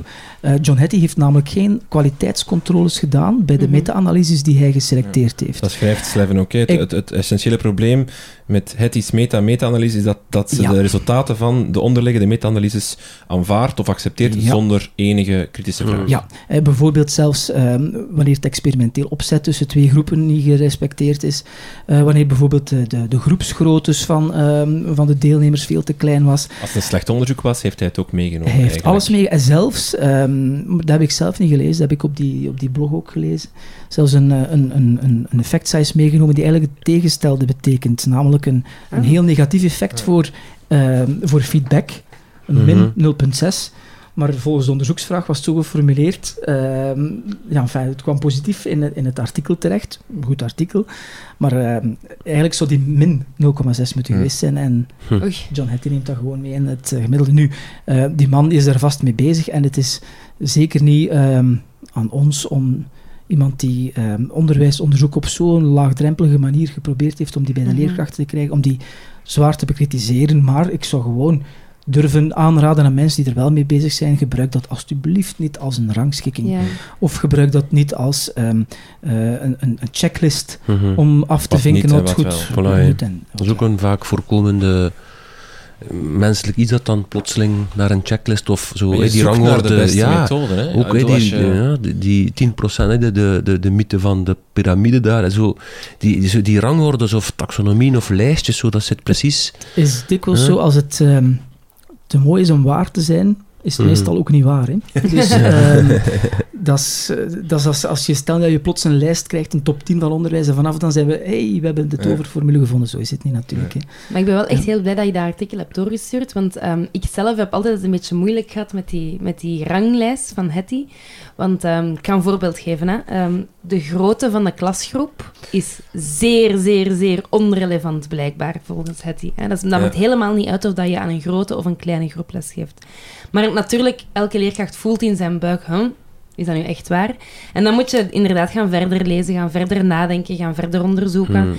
En het is inderdaad, daar kan ik wel bij komen, als jij op een goede manier instructie kan geven, interessante taken eh, goed kan lesgeven, en je doet dat aan een kleine of een grote groep, dat dat meer effect heeft dan of jij op een slechte manier, ik ga het nu even eh, heel zwart-wit eh, voorstellen, maar op een slechte manier lesgeeft, ook in een kleine groep. Maar wat ik dan, dan jammer aan vind, is dat er dan bijvoorbeeld door beleidsmakers nogal gemakkelijk wordt gezien, ah, de grootte van de klasgroep maakt niet uit. Oké, dan, gaan we de- dan gaan we daar zeker geen geld op inzetten. Ehm, en dat is jammer, want als je dan kijkt naar wat dat dan wel heel veel effect Hmm. zou hebben, dat zijn dingen, bijvoorbeeld iets als feedback geven, is iets dat je veel gemakkelijker kan doen als je aan een kleinere klas eh, les geeft. Hmm. Zelfs de McCo-teaching scoort heel, heel laag. Ja. Maar natuurlijk, gewoon met twee in de klas staan heeft, heeft geen effect. Maar Ja. wat dat je ermee doet, heeft effect. Dus dat, en ook met die twee voor de klas staan, als dat ja, niet gebaseerd is op Twee wetenschap van... leerkrachten voor Voilà. de klas Dat, is, ehm, ja, maakt, dat zal eh, onder nul gaan. hè. Ja. ja. dat is... Ja, je hebt gelijk. eh, Mm. het- nog zo'n voorbeeld is het, eh, het onderdeeltje ehm, vakkennis van de leraar. Dat staat Mm. ook relatief laag. Maar als je dan kijkt wat die onderzoeken in kaart gebracht zijn, dan heeft men, dat zijn voornamelijk Amerikaanse studies, die dan ehm, bijvoorbeeld de vakkennis van de leraar ehm, meten gewoon op basis van de diplomering. Hm. Ja, dus men, men, men kijkt Ja. master, eh, bachelor en zo verder. Maar er zijn dus bijna geen onderzoeken die echt de vakkennis van de leraar gedaan hebben. Er zijn er ondertussen wel een paar. En die zien dat dat wel heel belangrijk is. Ja, ja, absoluut. Maar ja, dat, dat is eigenlijk, iedereen kan dat toch beseffen. Als je als Ja. leerkracht je staat voor een groep en je weet eigenlijk niet wat je aan het vertellen bent, dan verliest je heel vaak controle. ehm, Mm. Moet je ontzettend veel beginnen voorbereiden, nu nachtrust leidt eronder. Enfin, Mm, Ja. Dus ehm, het hebben van voldoende achtergrond, Tuurlijk. bagage binnen uw vak, meesterschap. Hè. je persoonlijk Hm. meesterschap is, is heel belangrijk. Dat zet u zeker ervoor een groep. Eh, maar dat wordt niet in kaart gebracht door een, een, een vragenlijstje Nee, met te zeggen bachelor-master. Hè? Nee. Ja, dus, en dat wordt allemaal meegenomen in de stapel van Ja. het Dus het die nog niet wegsmijten, maar, maar kritisch blijven, zoals altijd. hè. Zoals alles, hè. Ja. Zoals alles. En ik denk dat die man ook met ondertussen een heel groot team bezig zal zijn met het rechtzetten van al dat soort Hm, dingen. ja. Oké, we gaan eh, naar een artikel van Edubron, eh, de onderzoeksgroep van de UA, als- ik juist ben, denk ik. Eh, die hebben een, een, ehm, een onderzoek gedaan naar goed leraarschap door de ogen van de leerling zelf. Dus eh, even, wat vindt de leerling nu een goede leerkracht? Ze komen uit op een aantal eh, puntjes die de leerling belangrijk vindt. Het eerste is een goede verstandhouding. Ze willen graag dat eh, Mhm. de leerkracht hun respectvol en gelijk behandelt. Eh, ze willen dat de leerkracht een vakexpert is, maar ze vergeven ook wel graag foutjes. Dus dat is geen enkel probleem. Eh, dus dat, en vooral ook belangrijk dat je spontaan bent. Dus niet dat Mhm. je, je begint af te dreunen, maar wees spontaan. Creatief en humor worden geapprecieerd. Eh, dus eh, ook niet te snel kwaad worden in lastsituaties. Dus Mhm. probeer dat ochtendhumeur toch thuis te laten. Eh, maar grappige intermezzo's kan zeker. Dus Ja. voor de comedians onder ons. Te streng vinden ze niet zo leuk. Eh, ze hebben wel graag ook dat je zorg draagt voor de evaluatie en de feedback. Een van de vaak gehoorde verzuchtingen, en daar moet ik, ben ik zelf ook echt heel slecht in, is dat leerlingen vinden dat taken en toetsen te laat verbeterd teruggegeven worden. Ja. Ik ben daar zelf echt een drama in. Ehm, ze appreciëren het ook niet, leerlingen, wanneer de stijl van het examen afwijkt van de toetsen die ze dan doorheen het jaar hebben gemaakt, wat eigenlijk heel logisch is. Eh, en ze vinden ook wel dat, ehm, dat een leraar meer moet focussen op wat hij goed doet, wat de leerling goed doet, dan enkel te focussen op wat niet gaat. En als laatste wat de leerling vindt, is maak het hen niet te moeilijk. Met eh, veel taken en toetsen ga je ze niet kunnen charmeren. En eh, duidelijkheid is ook heel belangrijk. En dan hebben ze nog drie eh, laatste conclusies, namelijk het maakt niet uit of je les geeft in het ASO of het TSO. De leerling verwacht hetzelfde, dus het zijn dezelfde criteria. Dus een leerling in TSO, BSO of ASO, die ver- verwacht hetzelfde Mhm. van de leerkracht, heeft dezelfde eh, criteria. Je moet je stijl dus niet aanpassen. Eh, of je aan het derde of het zesde leerjaar les geeft of middelbaar, maakt ook niet uit. Dus dat is ook hetzelfde. En het verschil tussen jongens en meisjes is ook onbestaande volgens Mhm. het onderzoek. Dus het maakt eh, eigenlijk allemaal niet uit. eh, maar dat zijn de puntjes die eh, de leerling aanbrengt. Voilà. Heb je daar naast uh, Hetty gelegd? Nee. dat heb ik niet gedaan. Dat is wel een leuk lijstje, toch? Ja, ja, ja. Ze, zeggen wel op het einde ook wel van, eh, als leerkracht, ga nu niet alles eh, gemakkelijker maken en weet ik veel wat allemaal. ja. Het is uit, door de ogen van de leerling van wat hij vindt. Ik vind het een interessant perspectief, om- omdat we Mm. daar toch soms ook Mhm. te Ik weinig... denk ook wel zo, ja, misschien op het vlak van dat humor, zo hè, op eh, groepsmanagement. Hè, je kan hè, die, die typische moeilijke leerling en die, je wil daar toch een keer eh, een nota of, of iets in de schoolagenda krijgen om, om dat toch eh, ja, bepaald gedrag eh, niet, niet toe te staan. En dat heet, eh, ah, die leerling weigert in de schoolagenda en dan, hè, en dan V5 en 6, dan gooit je de leerling, hier, oh, hier klootzak, zegt die leerling. Oké, je kunt dan daarover weer moeilijk beginnen doen, maar uiteindelijk vertoont hij wel het juiste gedrag door uiteindelijk zijn schoolagenda af te geven. Zou ik antwoorden, ja, maar voor u is meneer de klootzak. Hè? Mm. Zo, ja, zo die humor, ik vind dat, de- zo dat, dat durven de spanning wat weghalen uit bepaalde situaties, door daar een keer met een kwinkslag te gaan, maar toch te bereiken wat je uiteindelijk wou. Want je wilde wel dat die leerling zijn schoolagenda ehm, afgaf. Allee, dat was het eerste waar ik moest aan denken. Ja. Zijn jullie eh, comedians voor de klas? Oh, goeie vraag. Ja, ik vind mezelf heel grappig natuurlijk. ik heb ook dat probleem, dat mijn leerlingen Ja. me minder grappig vinden als ik mezelf, Ja. maar... Tim? Er mag al eens gelachen worden, absoluut. Alright. Hm. Bram, jij hebt eh, eh, een artikel meegebracht. eh, tien dingen die je moet weten over eh, hoger onderwijs. Ja, maar ja, ik heb het daarnet nog een keer eh, doorgenomen. Ja, ik zou liever misschien starten met dat andere wat ik aangereikt had, rond Oei. die 1 op eh, 3 studenten eh, van het Leuven. Eh, ja, dat zit met de help, maar dat kunnen we nu ja. ook wel doen, dat is geen probleem. Omdat het gaat een beetje samen met dat hoger onderwijs. En uit die, die lijst van eh, de OECD kwam daar wel uit dat er eh, slechts 2 op 10 studenten nog het standaard traject doorlopen. Dus daar ging het mee over dat dat ook zo allemaal wat enorm vloe geworden is. En er zijn nu oh, zoveel trajectbegeleiders. Zo. Dat is een spanningsveld waar ik moeilijk mee van weet. Hoe moeten we daarmee omgaan? Moeten we dat... Moeten we het weer zoals vroeger doen? En gewoon ja, van jaar naar jaar, maar iedereen heeft zijn stromers langs alle kanten. Zo. Dus eh, er is daar een complexer iets ontstaan. En ik, ja, ik vond dat opmerkelijk dat dat eh, slechts twee op tien studenten nog. ehm, maar ik vond het ander belangrijker, namelijk die één op drie studenten die kampt met mentale problemen. Eh, ik vind dat toch iets wat, wat denk ik eh, de Wereldgezondheidsorganisatie al schatte en dat al jaren geleden. Men zei burn-out en mentale problemen, depressie, in 2020 het grootste westerse probleem of ziektebeeld zijn. Ik vond dat wel opvallend, was denk ik enkel in Leuven eh, of zo dat het artikel zich bevond. Maar in het algemeen zou ik persoonlijk dat wel als een van die belangrijke sleutelcompetenties naar boven willen schuiven. Namelijk, hoe gaan wij om met, met de complex georganiseerde maatschappij rondom ons? En ik zou hier het begrip aandachtsgeletterdheid willen lanceren. Als, als super vakoverstijgende iets. Hè, als echt, van, ook voor leren. Weten dat die kennis naar de lange termijn geheugen moet. Waar je aandacht aan besteedt. Het geheugen is niet meer dan het, residu van, van waar je aandacht aan besteedt. Maar ook van hoe ga je om met als je iets leest. Ben je, ben je afgeleid, ben je niet afgeleid? Hoe alert ben je daar eigenlijk bij? Als je in een gesprek zit met iemand, je gestoord door die continue notificaties. Dus ik, ik, ik zou daar, denk ik, als een antwoord willen op formuleren, of een deeltje toch, waar elke leerkracht wel een stukje kan aan werken, om, om te vermijden dat daar ja, die, die emotionele problematieken ook een deeltje ontstaan. Want ja, ik vind het wel moeilijk eigenlijk. Maar ik vond het opvallend dat 1 op 3 Mhm. Mm. studenten toch kampen met mentale problemen. Mhm. Hoog cijfer. Ja, mooi. Of, Ja, ik, weet ook niet, ik heb het ook niet verder onderzocht. Allee, hoe, is dat, hoe Mhm. heeft men dat vastgesteld of niet? Maar ik vind wel dat je merkt dat, er, dat het in onze volledige maatschappij iets is waar, waar mensen mee kampen. Eh, denk gewoon, Bram, dat, het, ehm, dat je niet zomaar van een leerkracht mag verwachten dat hij een amateurpsycholoog wordt. absoluut niet. nee. Ehm. Er is al zoveel te doen op, ehm, Ja. op een lerarenopleiding. En om in professionaliseringstrajecten te verwachten dat je, dat je echt psychologisch onderlegd wordt, dat lijkt mij gewoon heel erg moeilijk. Dus eh, het is dan ook opletten Mm. dat het niet afgegleden wordt naar een soort van volkpsychologie. Absoluut die, niet. Nee, dat eh, is niet. snap je? Ja, Dus dat natuurlijk is niet. Dat, dat is een zeer moeilijke grens.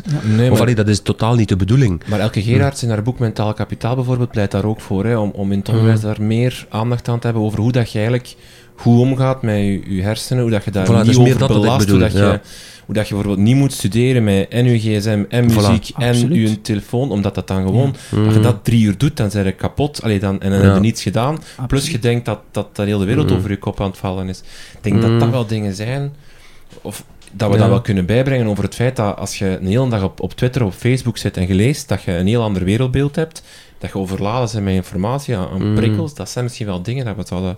Ik denk het wel, maar het is zeer terecht. Meer- Want je zegt dat het niet... Ja. allee, een leraar is geen, allee, heeft daar niet het mandaat voor en niet de kennis en niet de expertise. Is, heeft er ook niet voor gestudeerd.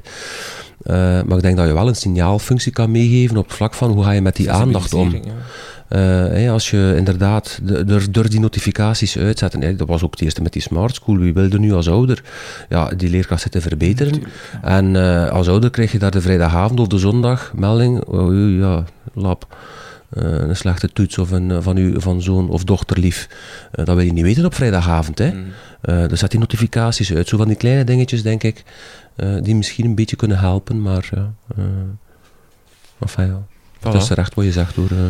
Het laatste nieuwtje van de dag. Eh, op 1 september zou, want het is nog niet zeker, ik, ik check af en toe, maar ik, ik zie geen nieuws verschijnen, zou de eerste islamitische school opengaan in Genk. Ehm, daar is over laatst een opiniestuk over verschenen van Orhan Achirdag en Nadia Fadil. Eh, waarom? Omdat daar heel veel om te doen is. Hè. De staatsveiligheid zou ingeschakeld zijn. Eh, verschillende politici hebben al gezegd, we moeten dit met alles wat wij in ons huis hebben proberen tegen te houden. Eh, de twee eh, ehm, wetenschappers hebben een opiniestuk geschreven in, voor de islamitische school. Vrijheid met als groot argument natuurlijk vrijheid van onderwijs. Hè. Er is geen enkele juridisch argument, of het is grondwettelijk vastgelegd dat iedereen een school mag starten als die voldoet aan. Eh, en ze halen daar ook bij dat er eigenlijk geen onderzoek is in Vlaanderen naar islamitische scholen, Mhm. in Nederland wel, en dat het eigenlijk voor zeer mooie resultaten Mhm. zorgt. Dat er zelfs eh, bij de beste scholen, eh, de beste vijf scholen, zit een islamitische school bijvoorbeeld. Mhm. Die zijn zeer multicultureel, zeer divers. Ehm, en dat islamitisch onderwijs geen segregeerd onderwijs is. Dat je dus perfect als katholiek eh, opgevoede uh, jongeman kan je naar de islamitische school. Je kan daar ook perfect gaan lesgeven als eh, katholiek opgevoede leerkracht. eh, of, of als eh, eh, eh, agnost, zal ik maar zeggen. Eh, meer nog in Nederland blijkt dat die scholen eh, beter zijn qua diversiteit, beter zijn qua multiculturaliteit, dat daar wel eh, kleur zit in, in leerkrachten, in directie, in eh, leerlingen en dat dat dus daar wel, wel lijkt te werken. Zijn er meningen over? Of eh, zijn we allemaal grote, zijn we allemaal voorstander van die school mag er komen? Ik heb er persoonlijk geen enkel probleem mee. Hm. Snap je? Maar dat, is, eh, dat zijn gewoon heel delicate onderwerpen. hè. Ik, eh, Mhm. ik, ik, ik, er is inderdaad vrijheid van onderwijs. Ehm, als er een islamitische school komt dan, en, en, en dat werkt, waarom zou ik persoonlijk dan daarop tegen moeten zijn? Ik heb daar geen enkel probleem mee. Hm. Ja, ik kan dat debat ook niet voeren zonder er Joodse scholen bij te halen, zonder Mhm. katholiek onderwijs erbij, zonder levensbeschouwing te erbij. Ja, Allee, ja. dat, is, dat is heel, heel... ehm, zeker als je dan spreekt over staatsveiligheid, dat is, dat is Ja. duidelijk dat dat met een politieke bril wordt bekeken. Nu, ik ken die school op zich niet, dus ik ga daar ook geen uitspraken over Nee, ik ken ook, het wordt, op, het is- het Nee. wordt opgericht door een, een specifieke groep of beweging die ik ook to- totaal niet ken. Maar- Mhm. Wat dat ik wel interessant vind, eh maar dat is puur een persoonlijke mening, is dat we dat misschien als een symptoom kunnen zien. Dat er duidelijk vraag naar is. En dan kunnen we onze vraag stellen, hoe komt het dat Ja. een aantal ouders of een aantal leerlingen hun gading niet vinden in het reguliere of allee, regulier onderwijs. En dan kunnen we gaan nadenken of dat we misschien eh daar iets aan Hoofddoekenverbod kunnen doen. niet moeten invoeren. Ik ga me daar niet over uitspreken, maar ik bedoel, Ja. het, is een, het is een signaal, hè. Ehm, Mhm. maar het is duidelijk dat dat een heel, heel politiek geladen onderwerp Ja, ja. is, dat op een heel specifieke doelgroep wordt gericht. Oké, we, gaan- we, we gaan Ja, naar... het, is heel, het is heel delicaat, hè. Ja. We gaan, naar, we gaan naar creatief innovatief. We gaan ons eh, iets minder delicaat onderwerp. Eh, creatief innovatief, daarin laten we onze creativiteit en innovatie eh, te, vrije loop en brengen we dingen aan die we gaan doen of gedaan hebben of die we denken dat leuk zijn of, of ontdekt hebben. Lisa, we beginnen met jou. Jij hebt nieuwe doelen rond actief burgerschap. Ja. Staat er hier op mijn blad, maar ik neem aan dat er veel meer achter zit. Ja. Het is iets dat we gaan doen. Dus eh, het is zeker iets dat zeker nog... al, Ik, heb, ik kan nog niet zeggen of het gelukt is of niet. En, eh, het zou wel fijn zijn mochten mensen luisteren en feedback, feedback kunnen geven. Ehm, maar iets nieuw volgend jaar eh, zijn de nieuwe doelen rond actief burgerschap. Ehm, waar de grote valkuil van is dat je als leerkracht gaat zeggen... Ja, maar dat doen wij al. Mhm. Want wij doen een vaste tocht. En wij Ja, doen een en project we hebben een projectweek rond, ja. Exact, ja. ja. Ehm, wat, er, wat er nieuw aan is, is ten eerste dat er een heel groot kennisluik ook aan komt. Dat je echt wel moet gaan lesgeven over identiteiten, over ehm, democratische, ehm, ja, democratische principes en besluitvorming enzovoort. En dat je al die dingen ook gaat moeten evalueren en daar een duidelijke leerlijn eh, Mhm. in hebben. Dus een, een tip die ik heb gekregen toen ik er een nascholing over volgde was... ehm, val niet in de... allee, pas op voor de valkuil van te zeggen... We gaan de leraar geschiedenis ook die doelen maar Voilà. eh, laten Ja. geven. Die doet dat toch, omdat hij het heeft over het oude Griekenland. Dus die zal het ook wel over democratie hebben. Ehm, en een tweede valkuil is natuurlijk... Wij doen dat allemaal al, dus Mhm. we gaan dat ook niet verder eh, op ingaan. Wat wij besloten hebben om te doen, is in het begin van het jaar een tweedaagse te organiseren eh, voor onze leerlingen van het eerste jaar, eh, waarin dat wij zullen werken rond identiteit, ehm, een grondige vorm van kennismaking, ehm, het hebben over respect en dan het belangrijkste vond ik, leren omgaan eh, met elkaar, eh, leren omgaan met conflicten. En wat ik daar heel interessant aan vond, ehm, onder andere in de nascholing, maar ook eh, in samenwerking met de ondersteuningscentra, de ondersteuningsnetwerken die ons daarbij begeleid hebben, is dat wij er soms van uitgaan, bijvoorbeeld er is een doel dat zegt, leerlingen kunnen respectvol met elkaar omgaan. Ik ken ze niet van buiten hoor, maar eh, leerlingen weten hoe ze in een conflict moeten omgaan met elkaar. En dan gaan we er allemaal vanuit, oh ja, pff, ja, Ja. ja, doen we wel. Hoe, hoe kan je dat evalueren? Hoe kan je dat Mhm. aanleren? Maar dat je eigenlijk wel echt kan doen. Dat er Mhm. echt wel heel specifieke oefeningen bestaan over eh, bijvoorbeeld iets wat wij gaan doen, dat we vorig jaar al uitgeprobeerd hebben. Leren uw grenzen stellen. Heel letterlijk en heel lichamelijk. Ehm, leren stop zeggen wanneer iemand te dichtbij komt. Technieken aanleren van wat dat je kan doen als een leerling of een leraar of een vreemde op straat eh, over jouw grens gaat. Mhm. Ehm, wat dat de voor- en de nadelen zijn van die verschillende technieken. Bijvoorbeeld, eh, je kan zeggen, iemand, ehm, eh, iemand pest jou. Dan moet je die negeren. Hè. Negeren is dan een techniek. Wat is het voordeel? Ja, misschien willen die pesters net dat uit jou krijgen. Wat is het nadeel? Dat je over je heen laat lopen. Dus is, is stilstaan bij die voor- en die nadelen. En dan ook echt gaan oefenen. Echt gaan eh, rollen spelen. ehm, eh, elkaar tips geven enzovoort. Ehm, waar dat we nog een beetje naar op zoek zijn, is een manier om dat te evalueren. Mhm. Eh, wat dat we denk ik gaan doen, is ehm, van dat weekend zelf via observatie en leerlinggesprekken ehm, een, een kwalitatieve evaluatie Ja. maken. Via misschien zo die SAM-schaal, zo die, die Mhm. beschrijvingen van, eh, van gedrag. Maar ik denk dat het belangrijkste is, is dat je dat gaat terugnemen. Dat je dat in het hele jaar gaat terug hernemen. Mhm. Dat alle leerkrachten ervan op de hoogte zijn. Dat dat volgend jaar ook nog wordt hernomen enzovoort. Dus wie daar nog tips over heeft, mag mij zeker tips sturen. Maar eh, Ik kan u bijvoorbeeld, eh, eh, mijn school Berkenboom Humaniora in Sint-Niklaas Mhm. doet dat al sinds mensenheugen is. Dus Ja. die startdagen voor het eh, secundair onderwijs. En ik ben ervan rotsvast van overtuigd dat er nog wel scholen zijn die, zeker. die echt startmomenten doen, maar dan niet gewoon enkel kennis maken, maar ook de onderdelen die je zegt over respect Mm. en zo erbij. Dus, ehm, en ik weet zeker naar aanleiding van deze podcast zullen er waarschijnlijk nog wel een aantal scholen Heel graag, heel reageren. Alright. Ook met evaluatie? Ja. Die vraag wil ik eigenlijk stellen. Moet je dat evalueren? Ja. Het zijn, het zijn nieuwe eindtermen. Dus vanuit die zin Ja. Maar evalueren ja, betekent eigenlijk ook naar waarde schatten. Hè. Mhm. Veel leerkrachten zien evalueren altijd als we moeten daar punten op geven. Allee, zo, maar, Maar ik denk dat wat we is moeten... dan het doel van die evaluatie? Weten Ja. of dat de leerlingen het bereikt hebben of niet. En als ze het niet bereikt hebben, dan moet je het nog... Allee, dan moet je, Moet je- bij... Dan moet je daar nog verder op Mhm. ingaan met het aantal leerlingen. Mhm.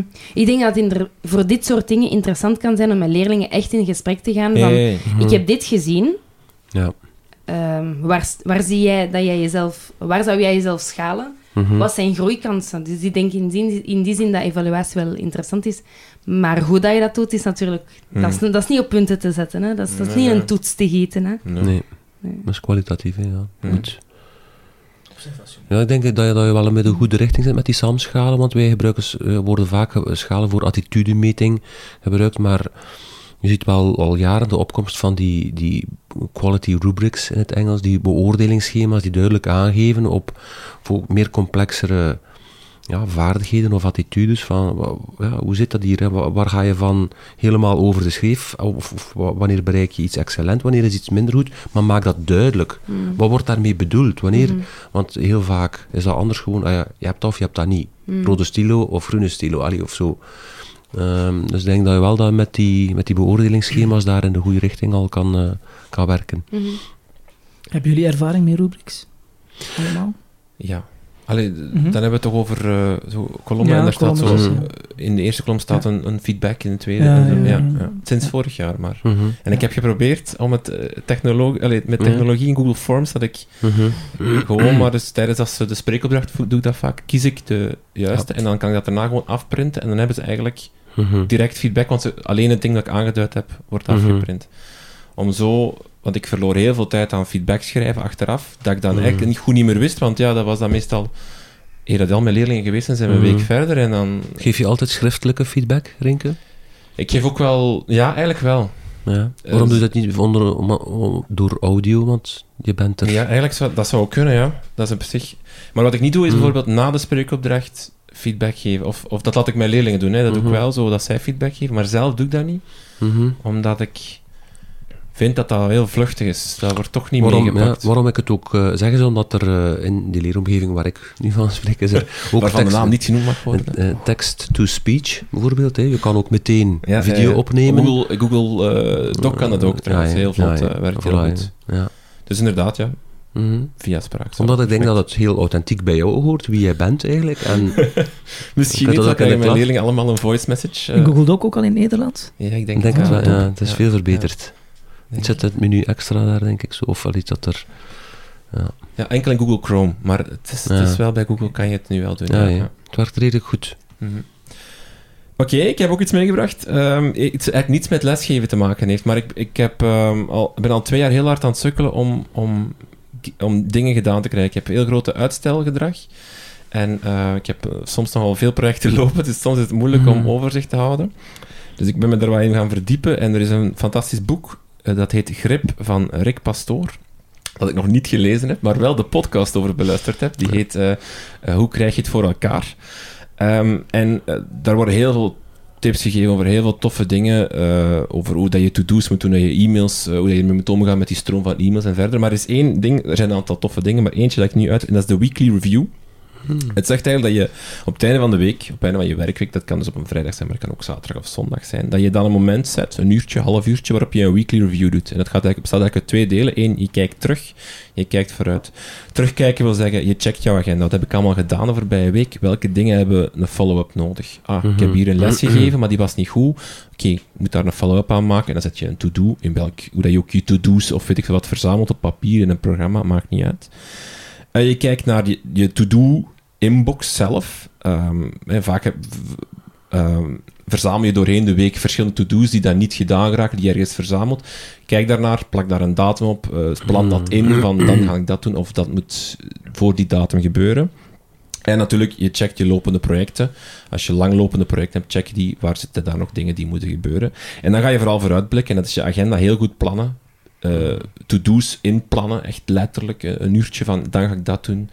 Um, uh, en daar ook to-do's aan, daar ook aan koppelen dat je dat zeker doet. En, en doelen stellen voor jezelf. Maar eigenlijk waar het over gaat, is dat je dus echt die weekly review doet.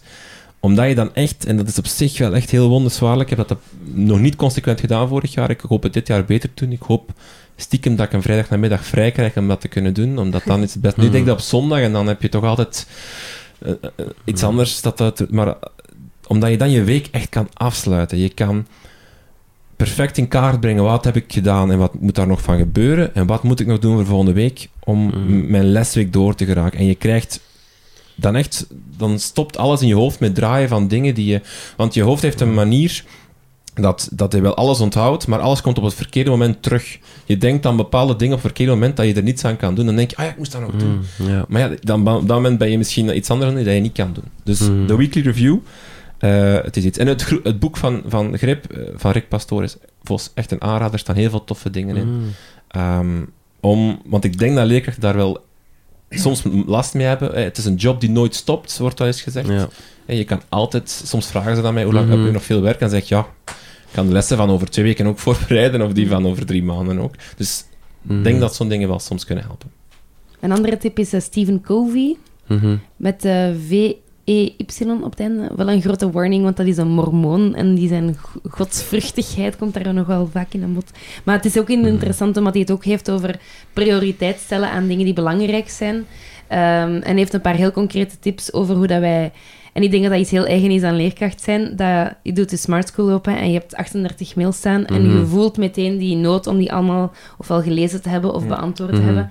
En de helft daarvan is niet prioritair en Nee. ook niet belangrijk. Keer, Bijvoorbeeld, Rick Pastoor zegt, je doet je Smart School maar open op twee ingeplande momenten Ja. per dag bijvoorbeeld. Je zet Mhm. dat, doet dat... eh, Je kan ook in de e-mail bijvoorbeeld in de handtekeningen voor zeggen, kijk, op, op de Ja. woensdagnamiddag lees ik Ja. mijn e-mail niet. Punt. Dan is dat duidelijk voor de anderen. Ik denk dat de COVID ook wel spreekt over een cirkel van invloed en cirkel van betrokkenheid. En Er zijn heel veel zaken die, waar wij invloed van hebben, maar waar wij eigenlijk niet zoveel kunnen aan doen. En de kunst is om, om, ja, om de zaken waar je van denkt dat je er niks kan aan doen, ofwel om die los te laten, te aanvaarden en te laten voor wat ze zijn, en zegt zelfs letterlijk met een glimlach te benaderen, of om er toch iets te proberen aan doen. Eh, dat is een interessante denkoefening, wat heel vaak zijn het juist die zaken waar je je in opwindt en dat dat mentale gekakel en dat, dat in vicieuze cirkels beginnen denken blijft komen, zijn zaken waar je juist eigenlijk niks kan aan doen. Mhm. Maar dat botst met jouw persoonlijke waarden en normen en dat is heel, ja, daar heb je dan wel veel last van. Eh, en, en je, je- waarin doe je dat, die weekly review? Op de, op de laptop ergens? Ja, op zich is de, de handeling kan je doen. Ik, heb een, ik, ik werk met Things als, als to-do-programma Ja, en daar zo. probeer ik... Maar, Ik doe dat analoog. Ja, voilà, dat kan ook perfect. Even goed, ja, oké. Het, het is, maar bijvoorbeeld in het boek bijvoorbeeld is, wordt ook heel hard gezegd van je moet to-do's, je moet daar ook mee werken. Dus ja, je moet die... Ja. En bijvoorbeeld, elk to-do-programma heeft een inbox. Dus als ik op, op een sneltoets druk dan, en ik type een to-do, dan komt dat in mijn inbox. Maar de bedoeling is dat ik daarna, Mm, s'avonds, op een bepaald moment tijd voor neem om dat te plannen van Hmm.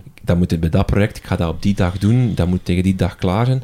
Want als je gewoon een, een lange lijst maakt, dan lijkt het ook zoveel, dan Mm. komt het ook niet. Dus Ja, je moet ja. daarmee werken. Het lijkt soms als je het boek leest of als je naar de podcast luistert van dat is keiveel extra werk dat je moet doen, Mm. precies. Maar het is door dat extra werk dat je eigenlijk helderheid en, en klaarheid en vooral ook dan tijd Ja, op, op langere Hmm, termijn. Tuurlijk. Voilà.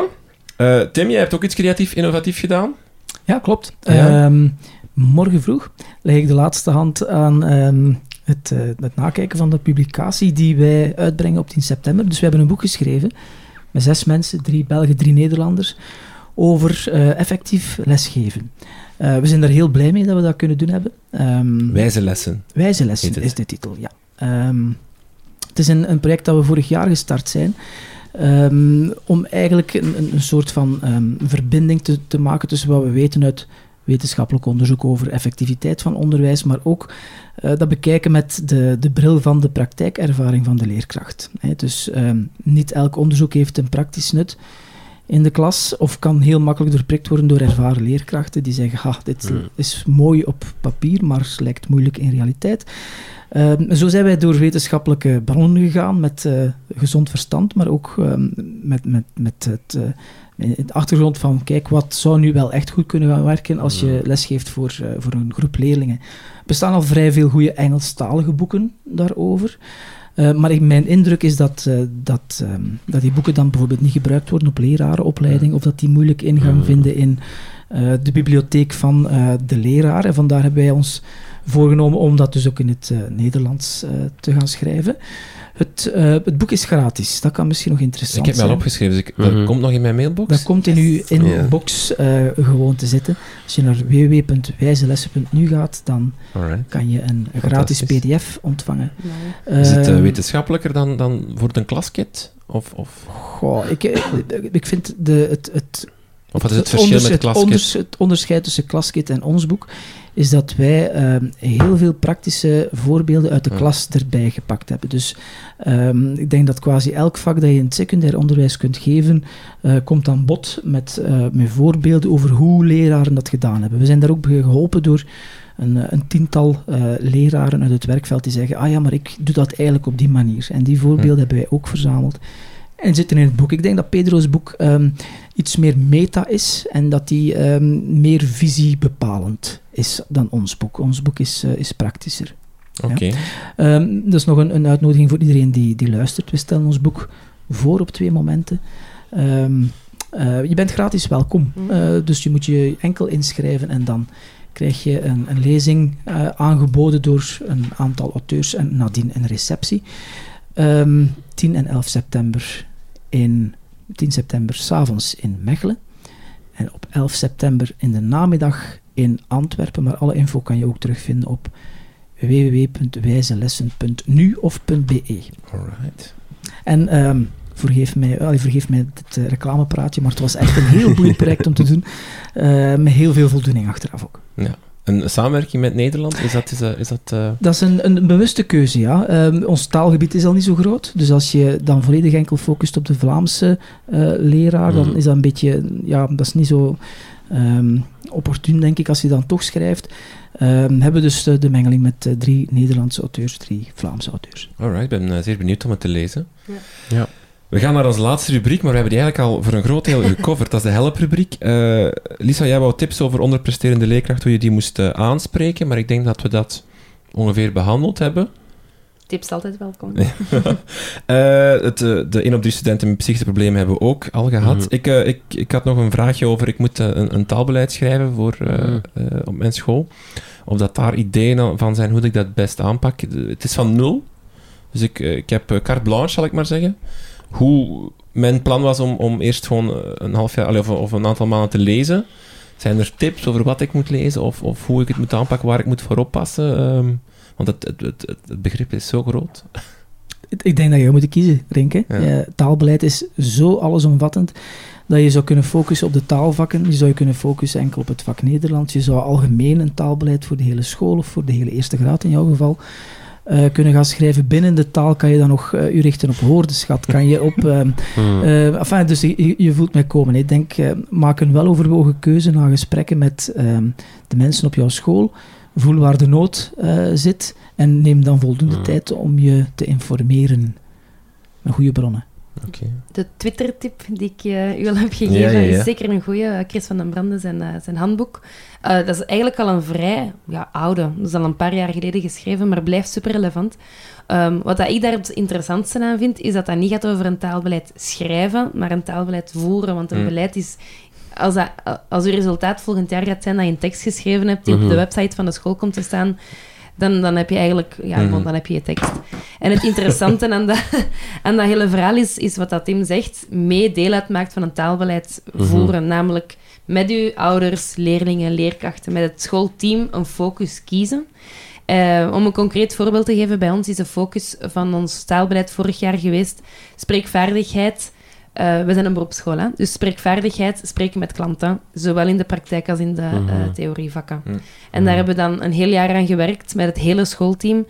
Um, en dan kan je zeggen, ja, maar en schrijven en, en mm -hmm. hoe moet je focus, focus. kiezen. En ook, denk ik, het, het, werk van um, Tom van Akker, uh, zal je ook wel kennen, en Yves de Martelaar, scholen slim organiseren, over het belang van die visie. Hè. Dus veel praten met mensen.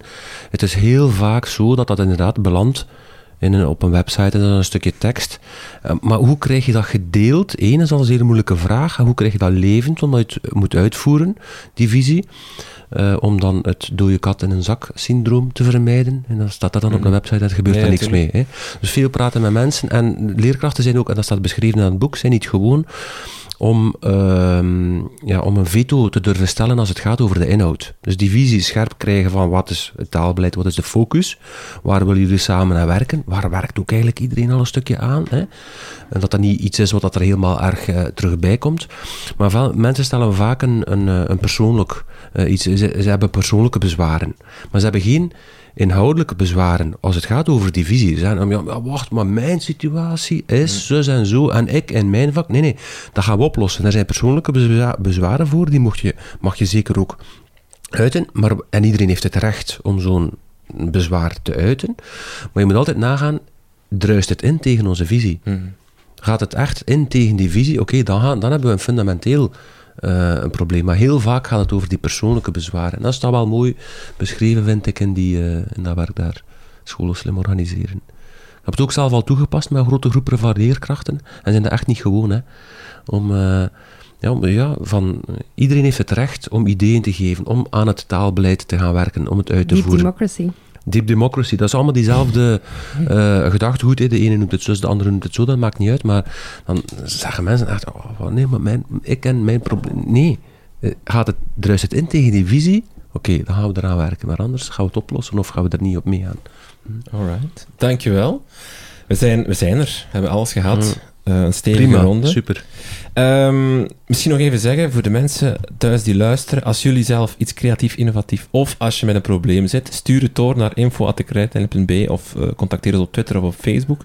En dan uh, brengen we het hier wel eens te sprake in de leraarskamer. En wie weet, kunnen we je helpen of worden we geïnspireerd door jouw straffe ideeën.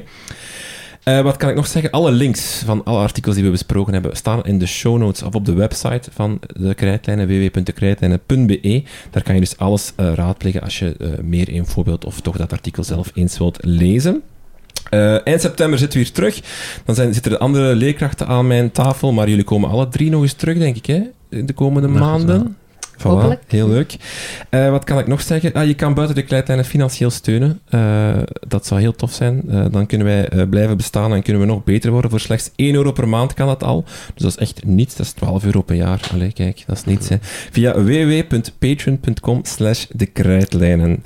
Volg ons ook op Facebook, op Twitter en stuur ons een mailtje. Dat is altijd, altijd leuk met een boodschap of zo. Altijd tof. Uh, Lisa Verels, dankjewel. Tim Surma, Bram Bruggeman, heel veel dank. En u bedankt voor het luisteren en tot de volgende.